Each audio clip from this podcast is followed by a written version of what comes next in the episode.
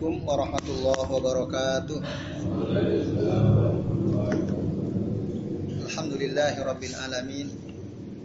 Wassalatu wassalamu ala asrafil anbiya'i wal mursalin wa ala alihi wa ashabihi wa man tabi'ahum bi ihsanin ila yaumiddin. Asyhadu an la ilaha illallah wahdahu la syarikalah wa asyhadu anna Muhammadan abduhu wa rasuluh. Allahumma salli wa sallim wa barik ala Muhammad wa ala ali Muhammad kama sallaita wa barakta ala Ibrahim wa ala ali Ibrahim innaka Hamidum Majid. Rabbi shrah li sadri wa yassir li amri wahlul 'uqdatam min lisani yafqahu qawli amma ba'du. Bapak-bapak dan ikhwah sekalian, a'azani Allah wa iyyakum ajmain. Semoga kita semua yang hadir di majlis ini senantiasa dimuliakan oleh Allah Subhanahu wa taala. Amin ya Allah ya rabbal alamin. Alhamdulillah pada malam hari ini atas izin Allah kita semua bisa berkumpul ya, di majelis kajian kitab Fadlul Islam. Kita akan melanjutkan bab tentang maja api gurbatil Islam wa fadli al guroba ya. tentang keterasingan Islam dan keutamaan orang-orang asing yang diasingkan. Pada pertemuan pekan lalu kita sudah membahas sampai halaman 52 ya. Ya, 52.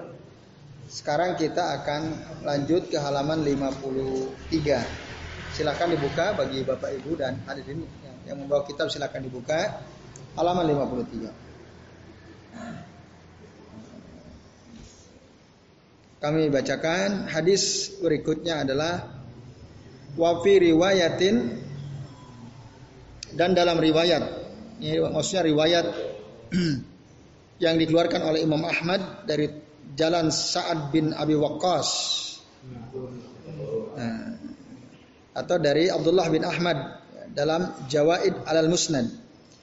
Ada riwayat yang berbunyi bahwa al-ghuraba itu siapa? Alladzina yuslihuna idza fasadan nas. Alladzina yuslihuna idza fasadan nas yaitu orang-orang yang melakukan perbaikan ketika manusia rusak. Ya, ketika manusia rusak, mereka justru melakukan perbaikan. Nah, itulah al-ghuraba. Orang itu kebanyakan rusak semua. Tapi ada sebagian kecil mereka justru melakukan perbaikan-perbaikan. Itu ya. Jadi bid'ah sudah menyebar hampir ke seluruh penjuru negeri gitu ya, hampir ke seluruh apa kampung-kampung di setiap kampung yang ada penghuninya itu bid'ah sudah menyebar. Rusak orang pada umumnya. Tapi guroba mereka berusaha memperbaiki diri terus. Ya, berusaha mencari ilmu mana yang benar, mana yang sesuai sunnah. Itu yang di ambil mana yang tidak benar dan tidak sesuai sunnah maka itu ditinggalkan. Nah itulah dia al-guroba. Nah, tentu saja sifat al-guroba ini ketika dia berusaha memperbaiki dirinya, dia akan berusaha untuk terus mencari ilmu. Karena perbaikan itu tidak mungkin terjadi kecuali dengan il, ilmu. Itu. Maka syarat untuk menjadi bagian dari al-guroba, kalau kita senang ya hadir duduk di majelis ilmu berarti kita sudah penuhi itu. Dengan ilmu itulah insya Allah ya. Dengan ilmu itulah maka kita akan memperbaiki diri kita. Meskipun orang pada umumnya rusak. Nah, itu sifat al-guroba. Pada riwayat di bawahnya dari Sa'ad bin Abi Waqqas tadi ada kalimat fatuba yauma idzin lil guroba idza fasadan nas. Maka berbahagialah pada hari itu bagi orang-orang yang asing ketika orang pada umumnya rusak. Nah, jadi kebahagiaan itu ada pada orang yang sedikit, orang yang asing. Meskipun kebanyakan orang berbeda dengan mereka ya. Karena orang pada umumnya rusak, dia tidak. Maka Rasul memuji tuba yauma idzin lil ghuraba idza fasadan nas. Ini Bapak-bapak dan ikhwas sekalian, a'azani Allahu wa iyyakum ajmain. Kemudian pada riwayat di bawahnya hadis riwayat Imam At-Tirmidzi dari Kasir bin, Abdullah dari bapaknya dari kakeknya Rasulullah SAW bersabda, "Fatuba lil ghuraba." Maka beruntunglah, berbahagialah orang-orang asing alladzina yuslihuna ma afsadan nasu min sunnati. Nah, yaitu orang-orang yang melakukan perbaikan apa-apa yang dirusak oleh manusia dari sunnahku. Saya ulangi, Al-Ghuraba itu adalah mereka yang melakukan perbaikan pada sesuatu yang dirusak oleh manusia dari sunnah Rasul Sallallahu Alaihi Wasallam. Ada sunnah Rasul tapi dirusak. Nah, dia melakukan perbaikan. Sekarang ini kan udah ada tuh, nampak sekali upaya-upaya pengrusakan terhadap sunnah. Dosen tidak boleh ngajar akidah. Wah ini kan parahnya luar biasa ini, ngaconya jungkir balik ini. Kok akidah jangan diajarin? Akidah justru inti dari syariat akidah. Kok dilarang aja? Kan ini jungkir balik pikirannya kan? Nah tapi kalau kita lihat ikuti medsos itu banyak pendukungnya itu. Keluar dukungan dukungan luar biasa itu dari banyak orang.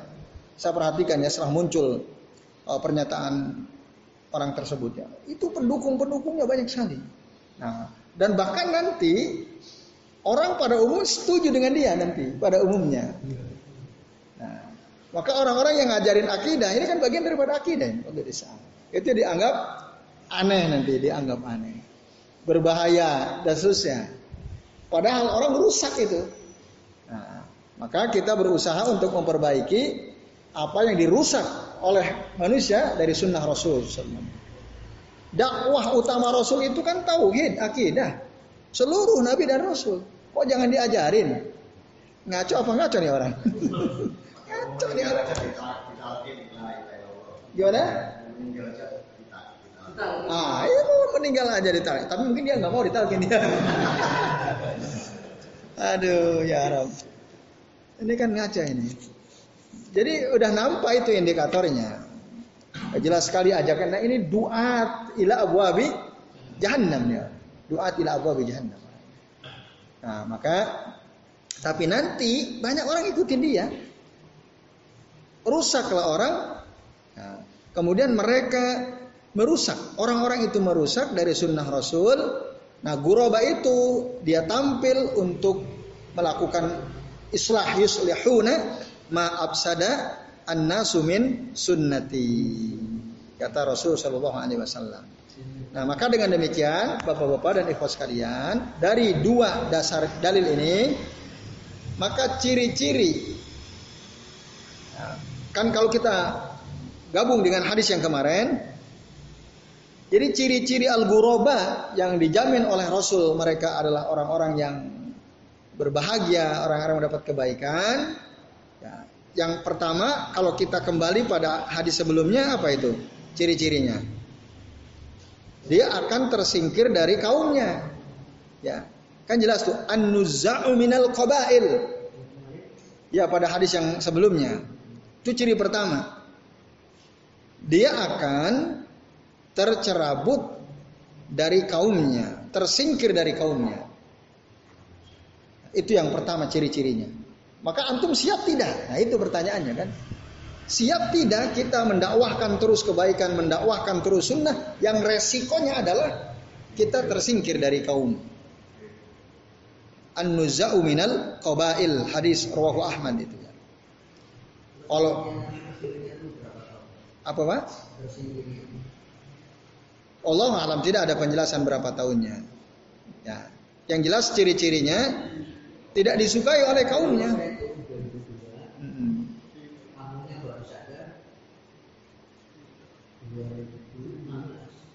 Berarti berapa tahun? 14 tahun. 14 tahun. Ini ini contoh kasus ya beliau dulu tersingkir ya. Ah, sekarang udah mau diterima ya. Alhamdulillah. Ya. Alhamdulillah. Uh, iya, intinya itu resikonya itu. Itu satu resiko yang akan dihadapi oleh oleh orang yang garib tadi. Walaupun tentu tidak tidak seluruhnya seperti itu. Tapi jika itu terjadi, ya itu emang resiko gitu. Tapi ada juga orang dakwah langsung diterima. Berarti dia ada di tempat yang baik kan? Nah, ada biahnya baik, biahnya biah hasanah, biah solihah, lingkungan yang baik itu ada. Nah, itu alhamdulillah kalau gitu. Tapi ketika tidak, ya seperti Rasul terusir dari Makkah. Terusir kan? Lalu tersingkir hijrah ke Madinah. Nah, itu itu resiko. Tapi ada juga sahabat datang langsung diterima. Nah, itu bagus tentu saja. Itu yang kita harapkan tentu saja kan. Tapi ingat resikonya adalah karena orang pada umumnya cenderung mengikuti hawa nafsu, ketika kita sampaikan sunnah kepada mereka, terganggulah. Ya, terganggulah mereka, mereka merasa diganggu. Ya. Orang enak-enak ngikutin hawa nafsu kok harus ngikutin sunnah, karena nggak seneng. Akhirnya mereka akan disingkirkan. Ya, itu al-ghuraba. Itu satu. Lalu ciri yang kedua adalah alladzina yuslihuna idza fasadan nas yaitu orang-orang yang berusaha terus memperbaiki dirinya. Itu ciri kedua.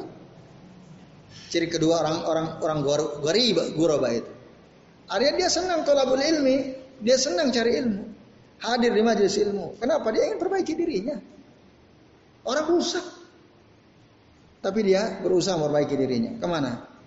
Ke majelis-majelis ilmu. Yang di situ dibahas sunnah-sunnah Rasul, dibahas ayat-ayat Al-Quran. Nah, itu ciri yang kedua. Ciri yang ketiga ini yang berat. Kalau memperbaiki diri, ya itu berat juga. Cuma tidak berat, lebih berat dari yang ciri yang ketiga. Karena tantangannya lebih besar. Kalau hadir ke majelis ilmu, ya, mencari ilmu, tantangannya ada pada diri kita sendiri kan. Kemalasan, capek, ada urusan lain dan seterusnya. Ah, kalau nggak kuat, niatnya nggak kuat, tolabul ilmi, gagal, pasti gagal. Apalagi kalau ada berhadapan dengan urusan dunia yang jelas menguntungkan secara materi. Kalau duduk di majelis ilmu apa untungnya? Ya alhamdulillah sih di sini dapat teh, dapat kue kan. Karena ada tempat nggak ada. Nah, alhamdulillah ini kita harus syukuri ini. Nah, ini lihat. Nah, orang berat tantangannya di sendiri. Nah, yang ketiga ini, ciri ketiga, tantangannya bukan hanya dari diri sendiri, tapi dari orang luar. Yaitu apa? Nah, yaitu uh, alladzina yuslihuna ma min sunnati. Orang-orang yang melakukan perbaikan pada apa-apa yang dirusak oleh manusia dari sunnah Rasul. Artinya yang ketiga ini dakwah sudah. Dia bukan hanya memperbaiki dirinya, tapi dia berusaha memperbaiki orang lain. Berusaha memperbaiki hal-hal yang dirusak oleh orang. Dia mengkanter kerusakan-kerusakan yang dilakukan oleh orang. Kan ini dakwah namanya. Nah ini. Nah maka orang yang seperti ini, nah, dia ciri-ciri akan mendapatkan kebaikan karena dia al-gharib ghuraba. Ya contoh sederhana kita mendakwahkan kepada orang misalnya. Orang kan udah rusak nih. Sholat udah pada renggang kan gitu. Ya ini satu absa dan nas. Ya. Ya. Iya dong. Kenapa? Karena menyelisih sunnah Rasul. Nah, nah itu. Nah itu berarti guroba ini termasuk, termasuk guroba ya. Nah, ini kan tantangannya orang lain kan, tantangan orang lain. Nah ini bapak sekalian, ya maka beruntung orang yang alladzina yuslihuna ma dan nas. Orang rusak. Sunnah Rasul dirapatkan, sunnah Rasul diluruskan, ini suruh direng, direnggangkan. Kan dirusak tuh. Sunnah Rasul dirusak. Walaupun banyak orang yang alas macam-macam. Ya, apa yang terbaru itu di grup Al-Fatah itu kan? Ada share-share yang baca Syekh Muhammad Abad ya kalau nggak salah. Beliau meralat meralat fatwanya yang awalnya beliau mengatakan orang yang sholat jamaah sopnya renggang-renggang tidak sah sholatnya. Tapi kemudian beliau meralat tidak apa tidak masalah sekarang katanya. Tapi jangan ikuti fatwa saya. Itu wajar. Beliau tinggal di Saudi ya, di Saudi dan Saudi itu cukup kalau ada yang berani bertentangan dengan pemerintah, wah itu walaupun ulama ya, karena di sana ya beda bedalah dengan kita ya. Nah ini ya, tapi itu tadi ya orang-orang yang berusaha melakukan perbaikan terhadap sunnah yang dirusak oleh manusia itu lebih berat karena tantangannya adalah bukan hanya diri sendiri tapi juga orang lain ya. Nah, ini Bapak-bapak dan ikhwas sekalian, a'azani Allah wa iyyakum ajmain. Karena di sini dia harus dakwah amar ma'ruf nahi mungkar termasuk taklimu al khair, mengajarkan kebaikan-kebaikan. Tetapi tentu saja ini kembali pada istitoah ya kemampuan kita masing masing-masing. Tapi intinya ini yang berat, ciri-ciri yang ketiga ini yang berat. Nah, Bapak-bapak dan ikhwas kalian, azani Allah wa iyyakum ajmain. Nah, inilah dia yang disebutkan di dalam hadis Nabi ya sallallahu al-ghuraba, orang-orang yang asing itu. Jadi orang-orang yang kokoh dalam kebenaran, dia punya iman keyakinan yang kuat dan dia tidak ikut-ikutan manusia. Karena apa? Dia punya prinsip, dia punya iman, dia punya ilmu. Tapi kalau orang nggak punya ilmu, orang melakukan A, ya udah ikut A, udah kayak kayak gitu aja, ikut-ikutan, immaah namanya, immaah.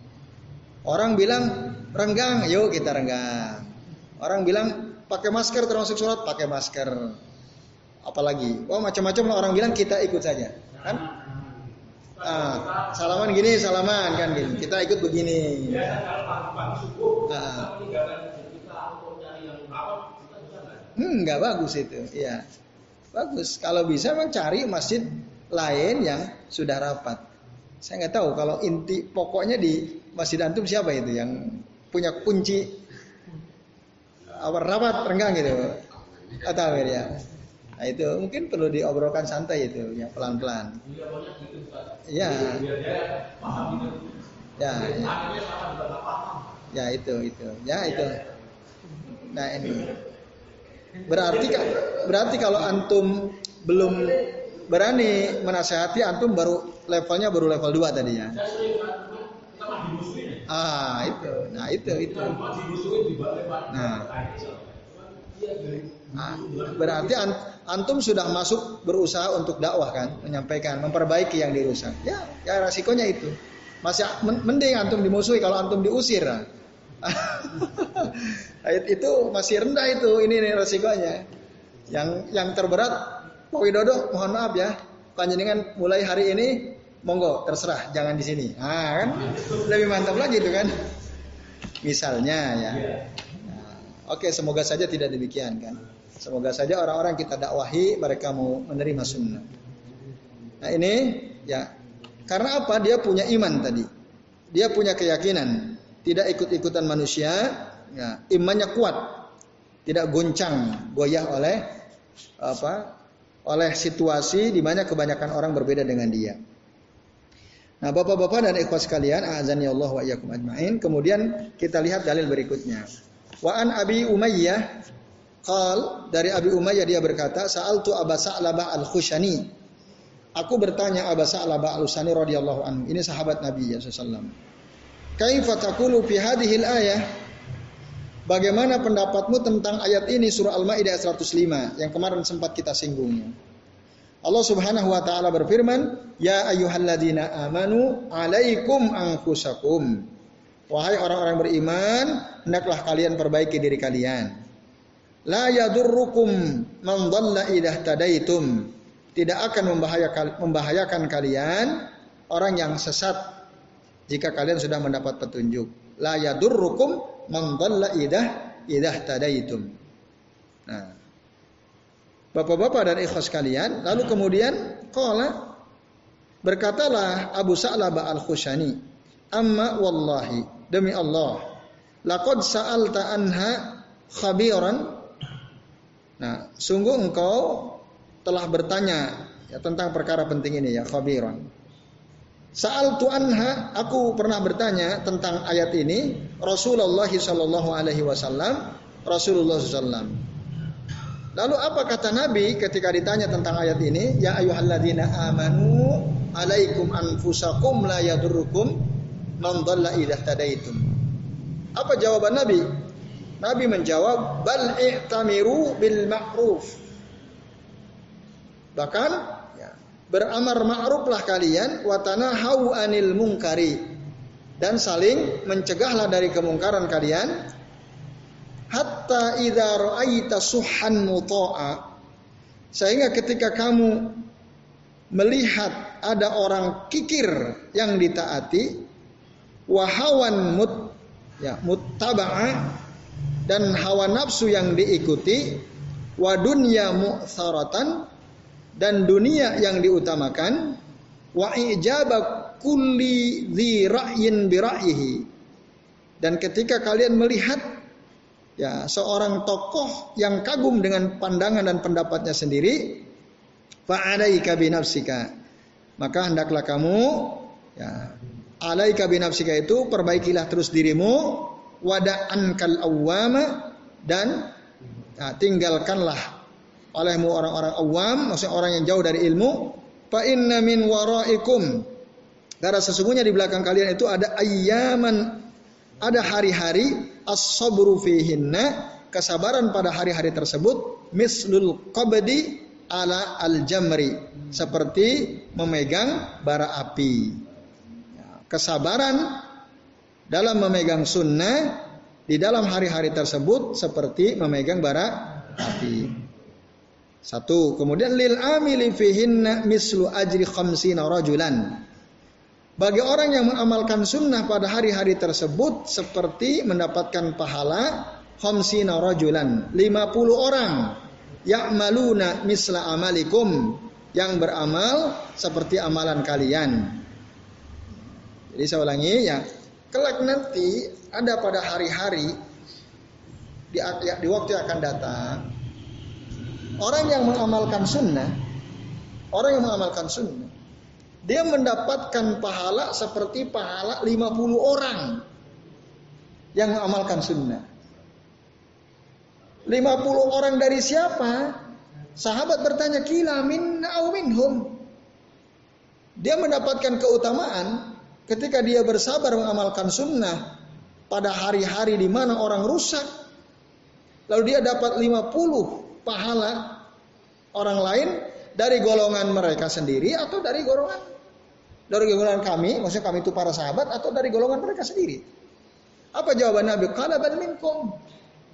Bahkan dia amalannya lebih baik daripada 50 orang amalan kalian. Hadis wahyu Abu Dawud Tirmidzi. Wah, dahsyat sekali. Jadi, bapak-bapak dan ikhwas kalian, ketika sunnah dirusak, banyak orang meninggalkan sunnah. Kita melakukan perbaikan, beramar ma'ruf nahi mungkar. Kita tegakkan sunnah.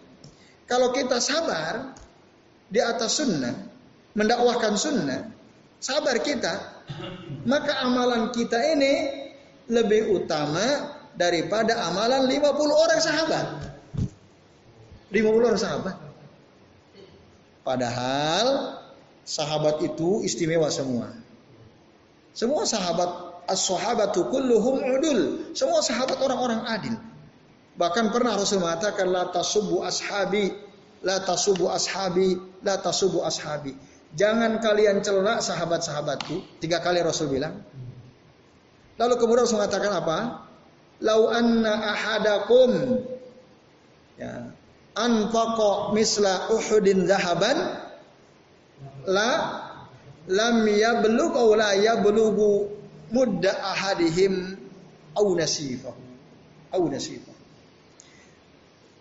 Seandainya ada salah seorang di antara kalian kata Rasul anfaqa menginfakkan mensodakohkan misla Uhudin zahaban. Emas sebesar gunung Uhud diinfakkan. Besar apa enggak itu? Emas sebesar gunung Uhud, harganya berapa itu? Lebih dari 44 triliun itu daripada lebih besar daripada proyek terorisme itu ya. Emas sebesar gunung Uhud. Itu kita infakkan. Maka kebaikan kita tidak akan bisa menyamai kebaikan para sahabat Nabi meskipun satu mudnya boro-boro satu mud setengah mudnya pun nggak akan bisa kita menyamai kebaikan para sahabat Nabi nah jadi sahabat Nabi itu tidak mungkin kita bisa menyalip kebaikan mereka tapi dalam satu kasus ini berpegang teguh pada sunnah ini kita bisa menyaingi ya kehebatan mereka tapi kalau digabung secara umum kita nggak akan dapat apa nyalip kebaikan para sahabat secara umum. Tapi dalam satu konteks, satu titik ini kita bisa berdasarkan hadis ini. Kenapa demikian? Karena bapak-bapak dan sekalian, dulu para sahabat mampu berpegang teguh kepada sunnah, ada nabi. Iya nggak? Ada nabi. Ketika pun nabi sudah wafat, sahabat-sahabat yang masih ada. Banyak bahkan berkuasa kok muslimin waktu itu. Ya kan semakin besar semakin besar. Jadi nggak ada yang berani macam-macam sama orang Islam. Apalagi di tempat yang mayoritas kaum muslimin, orang kafir nggak akan berani. Kalau zaman kita sekarang kan berbalik, 180 derajat. Ya kan? Jauh lebih besar, lebih berat. Nabi sudah nggak ada, kekuatan kita udah lemah. Boro-boro kita tinggal di negeri yang Islam minoritas. Di negeri yang mayoritas Islam kayak begini aja, apa? Minoritas. Uh, nah, mayoritas rasa minoritas kan. Berat. Ketika kita mengajarkan akidah uh, salafus saleh, jangan ajarin. Nah, itu kan. kayak gitu itu kan. Masya Allah ya. Subhanallah. Apa? As kita seperti buih di lautan. Ya dia mungkin ngomong begitu enak aja. Uang satu tas. Mungkin nggak tahu kita kan. Nah, tapi awam ini kasihannya. Bapak-bapak dan ikhwas kalian. Nah ini, itulah yang menjadi sebab kenapa kalau kita berpegang teguh pada sunnah, melakukan perbaikan, memperbaiki sunnah yang sudah dirusak, pahalanya seperti pahala 50 orang sah sahabat Nabi. Karena lebih berat. Lebih berat kita. Gitu. Nah ini Bapak-bapak dan ikhwas kalian, azan ya Allah wa Itu alasannya. Sehingga Nabi mengatakan, ya.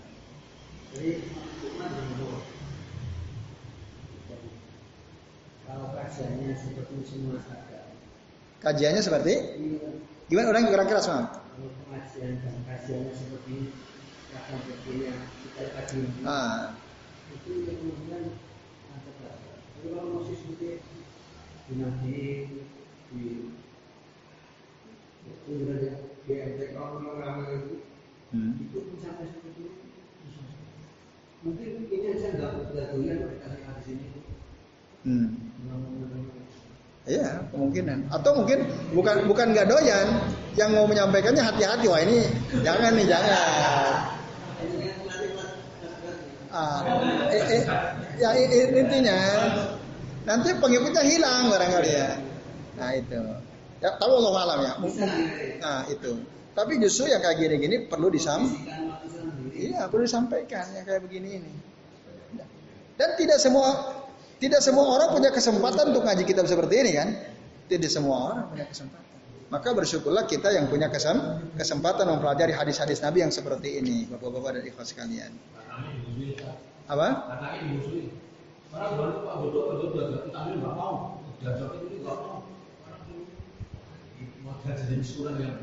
Nah, ya itu tadi jadi gorib itu kan, jadi asing ini ya, terasing di tengah-tengah kaumnya sendiri. Makanya tadi dalam hadis sebelumnya kan mereka itu adalah an-nuzza'u minal qabail, an-nuzza'u minal qabail. Nah ini resikonya memang seperti itu. Intinya Nabi sudah ngasih tahu deh, udah ngasih tahu. Tinggal kita siap dengan resikonya atau tidak. Kita saya tidak yakin kita yang hadir di sini, kita sama yang hadir di sini kuat atau tidak, saya saya nggak yakin juga. Antum semua kita. Apa betul-betul kuat kita? Nah itu, jangan-jangan kita malah ikut-ikutan juga kan? Karena kita nggak tahan. Ada yang tahan apa megang? Ah. Ah.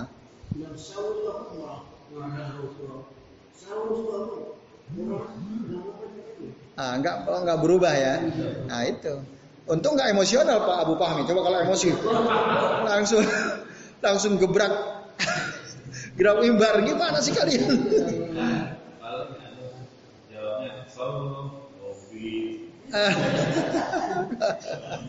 Sahu suku kaku covid gitu ya. Oke itu dah. Nah ini ya sekalian, bapak-bapak dan ikhlas sekalian itu. Jadi intinya memang berat ya berat. Nah kita ada bahas kemarin ayat 105 surah Al-Maidah itu disa, sering disalah tafsirkan. Ya. Menurut kebanyakan orang, kalau udah tugas kita adalah memperbaiki di diri. Sedangkan kemungkaran yang ada di sekitar kita biarin saja. Kita enggak kalau kita perbaiki diri, kita enggak akan ikut sesat, tidak. Artinya sudah enggak usah amar amar ma'ruf nahi mungkar. Karena kita disuruh untuk memperbaiki diri saja. Ayatnya kan berbunyi ya ayyuhalladzina amanu alaikum an usakum. Itu. La yadurrukum man dhalla idza tadaitu. Nah, ini ayat sering disalah tafsirkan oleh kebanyakan orang. Ya. Seakan-akan Allah menurut mereka menyuruh kita udah kewajiban kita adalah memperbaiki diri. Alaikum anfusakum. Udah sampai di situ. La yadurrukum man dhalla idza tadaitum. Nah, tetapi sekalian amar ma'ruf nahi mungkar itu sama sekali tidak di apa? Tidak dinasah oleh ayat ini sama sekali tidak. Bahkan dia akan tetap ada layas kutu, tidak pernah gugur kewajiban amar ma'ruf nahi mungkar itu. Dalilnya jelas. Hadis riwayat Muslim kan dari Abu Sa'id Al Khudri yang insya Allah kita semua sudah hafal hadisnya. Man ra'a minkum karan fal yughayyirhu biyadihi fa illam yastati fa bi fa bi lisanihi fa yastati fa. Itu jelas. Hadis ini berlaku terus sampai hari kiamat. Siapa saja yang melihat kemungkaran dia harus rubah. Dia harus rubah. Kalau tidak, Nabi sudah memberikan ancaman. Yang kita udah bahas juga hadis yang kemarin. Nah, dalam hadis riwayat Abu Dawud Ibnu Majah At-Tirmidzi, dalam Musnad Ahmad juga ada, Rasul mengatakan, "Innan nasa idza ra'au al-zalima" Sesungguhnya manusia ketika dia melihat ada orang zalim, falam ya'khudhu ala yadayhi. Lalu dia tidak menghentikan kezaliman orang zalim tersebut, ausaka ayyamahumullahu biiqabin. Nanti ya. Hampir-hampir saja Allah meratakan azabnya kepada mereka. Yaitu kepada orang-orang yang melihat kezaliman, tapi kezaliman itu dibiarkan. Maka yang zalim Allah azab, yang soleh pun Allah azab karena biar membiarkan kezaliman dalam surah uh, apa itu? Yang lain disebutkan dalam ayat yang lain wattaqu fitnatan la tusibanna alladziina zalamu minkum khassatan wa'lamu innallaha syadidul iqab. Ketahuilah sesungguhnya Allah itu maha ya ngeri adabnya. Nah itu ini Rasul bilang dalam hadis sahih ya. Maka amar ma'ruf nahi mungkar harus terus dilakukan. Tapi tadi harus sabar karena memang itu tidak mudah berat sekali ya Bapak-bapak dan ikhwas sekalian a'azani Allah wa Bahkan tadi Rasul bilang uh, ya orang yang sabar seperti memegang bara bara api. Nanti orang itu kebanyakan ngikutin hawa hawa nafsu. Orang kebanyakan mendahulukan mengutamakan du, dunia. Tadi kan sebutkan Nah, hatta idza ra'aita suhan muta'an wa hawan mutaba'an wa dunya mu'sarah.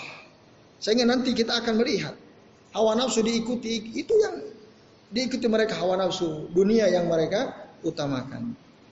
Terus banyak orang bangga dengan nah ini yang wa'ijabu kulli dzira'in bi Nanti akan banyak orang-orang yang bangga dengan pendapatnya sendiri.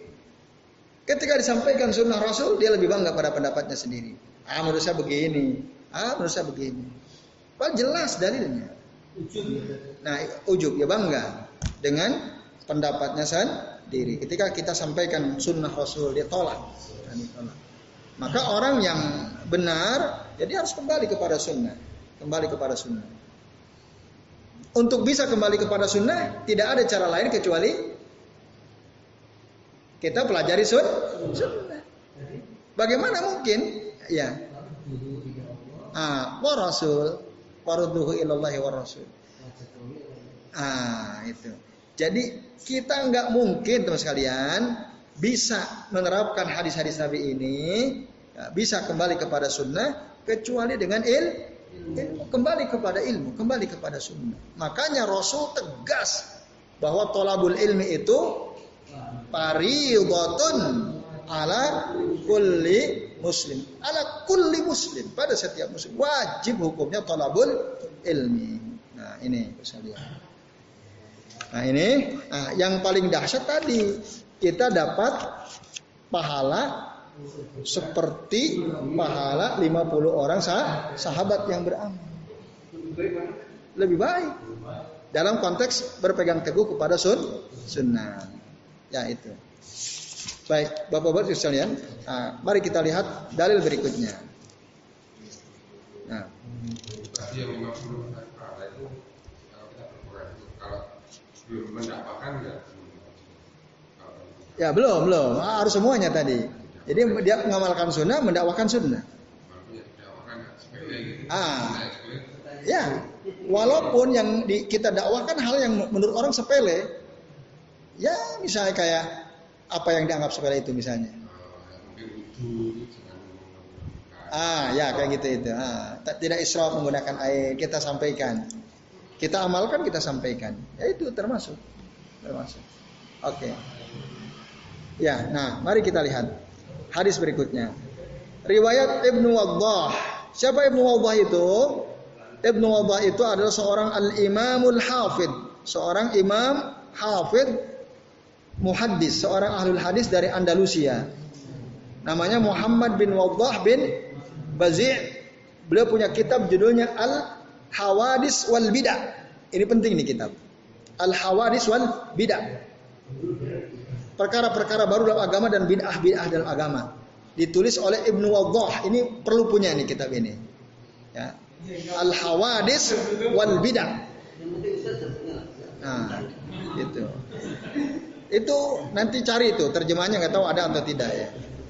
Nah, dalam kitab beliau disebutkan ada riwayat dari Abdullah bin Umar radhiyallahu anhu Ya, saya katakan inna kata Rasul ya, qala Nabi Yusuf sallam inna uh, min ba'dikum ya.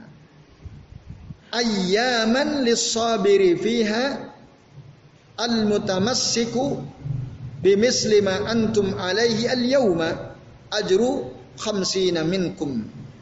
Sesungguhnya orang setelah kalian setelah kalian nanti ya ayyaman ada hari-hari lis-sabiri fiha Orang yang bersabar pada hari-hari tersebut, maksudnya bersabar berpegang teguh kepada sunnah, al mutamassiki bimisli ma antum alaihi yang berpegang teguh uh, terhadap sesuatu seperti yang kalian berpegang teguh pada hari ini ajru khamsina minkum dia akan dapat pahala 50 dari kalian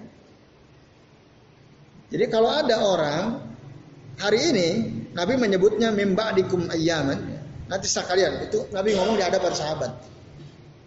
Sekalian nanti akan ada hari-hari orang sabar berpegang teguh kepada sunnah. Sunnah yang kalian pegang hari ini, maka mereka dapat pahala seperti 50 orang dari kalian. Nah ini mempertegas apa yang tadi kita sudah bahas. Nah kemudian, Summa qal amba'ana Muhammad ibnu Sa'id. Telah memberitakan kepada kami Muhammad bin Sa'id amba'ana Asad. Memberitakan kepada kami Asad qala amba ana Sufyan bin Uyainah. Memberitakan kepada kami Sufyan bin Uyainah an Aslam al-Basri dari Aslam al-Basri an Sa'id bin Abi al-Hasan dari Sa'id bin Abi al-Hasan. Qala dia mengatakan qultu li Sufyan aku berkata kepada Sufyan bin Uyainah anin Nabi sallallahu tentang uh, Nabi sallallahu qala na'am tentang apakah apakah yang dikatakan Ibnu Waddah di atas itu adalah dari Nabi ya sallallahu qala na'am Qala na'am. Sufyan bin Uyainah mengatakan iya, itu dari Nabi. Qal lalu dia berkata lagi, "Innakumul yauma ala bayyinatin min rabbikum." Sesungguhnya kalian pada hari ini berada di atas keterangan dari Tuhan kalian tak muruna bil ma'ruf. Kalian menyuruh kepada yang ma'ruf wa tanhauna 'anil munkar, mencegah dari yang munkar, wa tujahiduna fi sabilillah kalian berjihad di jalan Allah walam yadhhar fikumus sakratani. Nah, tapi belum nampak pada kalian dua kemabukan. Jadi zaman sahabat tuh belum ada, belum nampak sakratani. Dua kemabukan, sesuatu yang memabukkan, membahayakan. Yaitu apa? Sakratul jahli wa hubbil aish mabuk kebodohan dengan mabuk cinta du, dunia, cinta kehidupan. Nah, Jadi zaman sahabat itu ya orang-orang cinta ilmu langsung bahkan dapat ilmu dari Nabi SAW. Ya. Mereka takut dari kejahilan. Mereka sungguh-sungguh belajar. Ya. Belum ada pada zaman sahabat. Sakrotuhu bil ais, orang takut semua ada Nabi di situ. Ya. Jadi takut mereka Bukti para sahabat itu tidak mendahulukan kehidupan dunia kecuali orang munafik ya. Setiap kali disuruh perang ya perang. Walaupun taruhannya nyawa mereka perang karena tidak takut uh, uh, tidak cinta dunia. Tapi orang cinta dunia orang munafik disuruh perang mau perang atau tidak? Tidak mau takut mati mereka. Nah, tapi pada waktu itu pada umumnya manusia para sahabat mereka tidak cinta dunia. Bahkan Ya, dalam beberapa riwayat disebutkan lagi mohon maaf berhubungan suami istri saja kalau udah diseru Nabi langsung berhenti. Ya, ntar dulu ntar ini belum selesai enggak langsung mereka pakai baju. Kalau Nabi sudah menyeru mereka langsung menjawab seruan Nabi SAW. Itu. Kalau zaman kita orang sekarang nggak mungkin tuh. Ya diseru. Nah, ayo ngaji ikut kajian. Engkau besok malam besok aja kan gitu lagi senang-senang kan gitu nah ini ya itu ya jadi betul-betul di kehidupan para sahabat ya di zaman Nabi SAW mereka betul-betul berusaha untuk menghilangkan kejahilan maka zaman sebut Nabi sebut zaman sebelum diutus Nabi menjadi Nabi Rasul sebut zaman jahiliyah. Ketika Nabi sudah diangkat jadi Nabi Rasul, udah bukan lagi zaman jahiliyah. Karena pada umumnya orang cinta kepada ilmu, mereka benci kepada kejahilan. Nah, kemudian apa lagi berikutnya? Wasatahuluna an dzalika. Nah, apa di situ diartikan apa? Wasatahuluna an dzalika. Mereka eh, kalian akan berubah dari hal yang demikian itu. Fal mutamassiku yawma idzin bil kitabi was sunnati lahu ajru khamsina. Orang yang berpegang teguh kepada Al-Quran dan Sunnah pada hari itu bagi dia pahala 50 orang. Kila dikatakan ditanya Nabi minhum 50 orang dari kalangan mereka qala bal minkum. Enggak bahkan maksudnya pahala 50 orang dari kalian dari kalangan para sahabat Nabi Shallallahu alaihi wasallam. Nah ini bapak-bapak dan ikhwas kalian, ya jadi apa yang disebutkan dalam hadis ini merupakan ya dorongan, anjuran agar kita ini senantiasa berpegang teguh kepada sun sunnah, berpegang teguh kepada Alkitab, Al-Quran, was sunnah. Itu. Dan lagi-lagi kita enggak mungkin bisa melakukan at-tamasuk bil kitab was sunnah kecuali dengan wasilah cara dengan uh, lewat mempelajari Quran dan Sunnah. Sekarang tanyakanlah pada diri kita sendiri dalam satu minggu sudahkah kita mempelajari Sunnah? Tanya diri sendiri. Dalam satu minggu, ya tentu yang bisa jawab masing-masing kita kan. Uh, Pak Nasir mungkin oke okay, saya sudah. Nah, yang lain bagaimana? Sudahkah kita meluangkan waktu kita untuk mempelajari sunnah? Yang kedua, sudahkah kita meluangkan waktu untuk mempelajari kitab Allah? Al-Quran. Kalau belum, wah masih panjang. PR kita masih panjang. Artinya kalau kita ingin belajar Alkitab, al sunnah, hadirilah majelis-majelis tafsir, majelis-majelis kajian Quran, Ya, yang yang paling baik tentu menghadiri majelis yang secara runut terus dibahas dari suratul Fatihah ke surah An-Nas ya. Itu kita pelajari ada ada waktu luang untuk mempelajari Alkitab. Sehingga Al-Qur'an itu betul-betul jadi petunjuk buat kita. Karena kita pelajari rutin terus runut. Sunnah juga begitu. Ya, ada kitab-kitab yang membahas hadis-hadis Nabi runut. Misalnya yang, yang biasa kita bahas ya, kita Bulughul Maram, kitab Riyadus Salihin, termasuk kitab Fadlul Islam kan runut. Ada hadis ini, hadis ini, bab ini, bab ini, bab ini. Nah, alhamdulillah.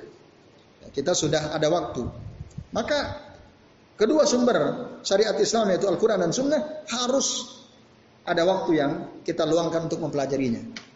Nah, maka bagi teman-teman yang wah saya belum ada ya waktu untuk belajar kita Al-Quran, luangkan waktu antum untuk mempelajari Al-Quran. Ya. Karena ya itulah sebaik-baik uh, perkataan, sebaik-baik rujukan adalah Al-Quran, baru kemudian Sunnah Rasulullah SAW. Nah, ini uh, bapak-bapak dan ikhwas sekalian. Terakhir penutup.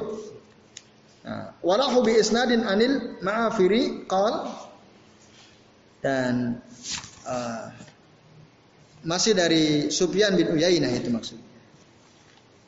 Sanad dari al Ma'afiri, kalau dia mengatakan, Allah Rasulullah SAW, tubalil ghuraba.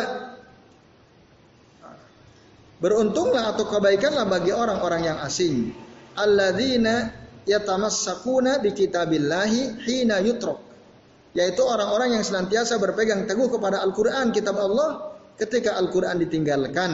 Wa ya'maluna bi sunnati yauma tutrok. Dan beramal dengan sunnahku pada hari di mana sunnah ditinggalkan. Nah, ini Bapak-bapak dan ikhwas sekalian, dalil terakhir ya dari bab ini. Nah, jadi uh, yang dianggap guroba yang mendapatkan keuntungan atau kebaikan kelak nanti di akhirat adalah dua saja, yaitu orang yang berpegang teguh kepada kitabullah dan berpegang teguh kepada sun sunnah. Ketika Al-Quran ditinggalkan, ketika sunnah ditinggalkan. Nah, ya tadi kalau kita kembali ke awal tadi, kan udah ada seruan-seruan supaya meninggalkan sun, sunnah, meninggalkan Quran. Itu nanti orang meninggalkan, yaitu seruan jangan diajarkan akidah itu kan seruan meninggalkan Quran dan sunnah. Itu jelas sekali itu. Menentang Quran sunnah jelas. Al-Quran kan isinya tauhid, akidah. Surah Al-Ikhlas apa isinya? Tauhid semua. Sampai-sampai ya suratul ikhlas itu sulusul sulusul Quran. Seperti dari Al-Quran. Ada yang menafsirkan yang dimaksud seperti Al-Quran. Isi dari surah Al-Ikhlas itu temanya materinya adalah sepertiga dari isi Al-Quran. Karena Al-Quran itu isinya satu tentang akidah tauhid, yang kedua tentang apa? Tentang sejarah, yang ketiga tentang syariah isinya. Maka ketika dikatakan suratul ikhlas sulusul Quran itu menurut sebagian ulama artinya sepertiga tema besar dalam Al-Quran itu ada dalam surah Al-Ikhlas. Lah kok akidah jangan diajarin? Berarti dia mau buang sepertiga dari Al-Quran. Nah ini kan seruan-seruan supaya orang-orang itu meninggalkan Quran sudah jelas ada nampak. Bukan oleh jin atau kuntilanak atau syaitan. Orang manusia itu yang bilang. Nah, dari min yatakallamu nabi al-sinatina wa min jildatina ya. Mereka bicara dengan bahasa kita dari bangsa kita sendiri. Ya Rob, itu sudah nampak sekalian. Nah, ini Bapak-bapak dan Ibu sekalian ya dalil yang terakhir. Nah, maka nanti gini. Di sini ada penjelasan penting sedikit. Jadi nanti jangan heran jika ada orang protes Eh kamu kalau khutbah Jumat tuh nggak usah nyinggung-nyinggung inilah. Nggak usah nyinggung-nyinggung sorga neraka, nggak usah nyinggung adab kubur nggak usah. Kamu kalau gitu terlalu keras tuh dakwahmu. Ya, kamu itu bukan ada irhab, teroris kamu tuh, ngancam-ngancam orang itu kalau kamu isi dakwanya seperti itu, nakut-nakutin orang katanya. Kamu terlalu keras dalam agamamu itu, nanti mereka putus asa. Udahlah kalau khutbah, ngisi pengajian itu gak usah kencang-kencangnya gitu, gak usah. Yang lucu-lucu aja, yang enak. Ada gak mereka gitu? Ada. Wah Ustaz itu gak usah kencang dia gak lucu. Nah, malah bikin kita takut gak usah. Kan ada seperti itu. Nah kemarin saya ada Ustaz mau nggak ngisi pengajian di Sewontan? Jamannya siapa? Tapi syaratnya Ustaz harus lucu katanya. Harus lucu. Karena jamaahnya udah pusing ada kalau kenceng-kenceng kan. Wah saya bilang aduh saya nggak bakat kalau lucu sih. saya nggak punya bakat. Nah jadi dakwah tapi harus lucu. Dalam hati saya kalau gitu ngundang stand up komedian saja pelawak yang diundang itu. Nah ini ya. Jadi tapi ada nanti orang seperti itu. Nah, nah ini bos kalian.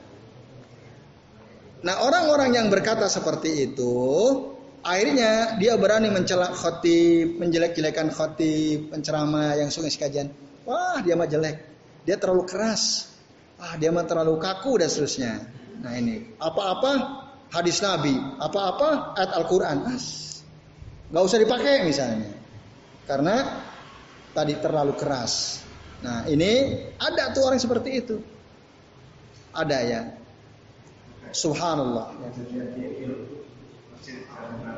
Ah.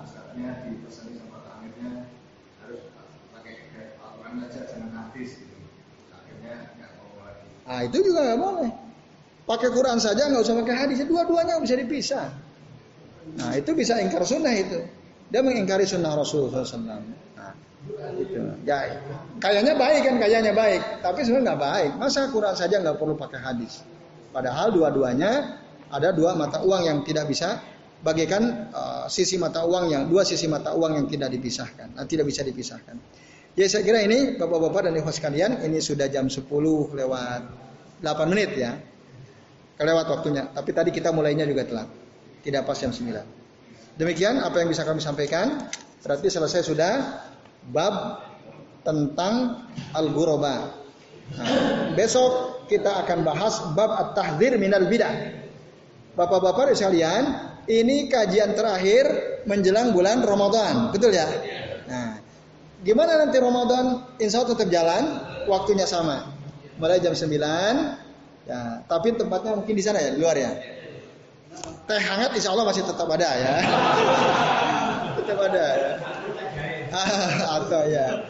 Jadi insya Allah. Jadi tetap tidak ada perubahan. Ya, nanti monggo taraweh di. Ah, kalau mau infak tinggal masukkan ke situ nanti terserah panitia lah ya gimana caranya. Iya. Eh, itu ya. Insya Allah nanti kita akan membahas pembahasan yang tidak kalah penting, peringatan keras dari bid'ah. Insya Allah. Oke, itu saja. Cukup? Cukup jelas ya saya kira. Baik, alhamdulillah kalau sudah cukup, mari kita akhiri dengan membaca doa kafaratul majlis. Subhanakallahumma wa bihamdika asyhadu an la ilaha illa anta astaghfiruka wa sallallahu ala Muhammadin wa ala alihi wa sahbihi wa baraka wa sallam alaihim ajmain. Billahi taufiq wal hidayah. Wassalamualaikum warahmatullahi wabarakatuh.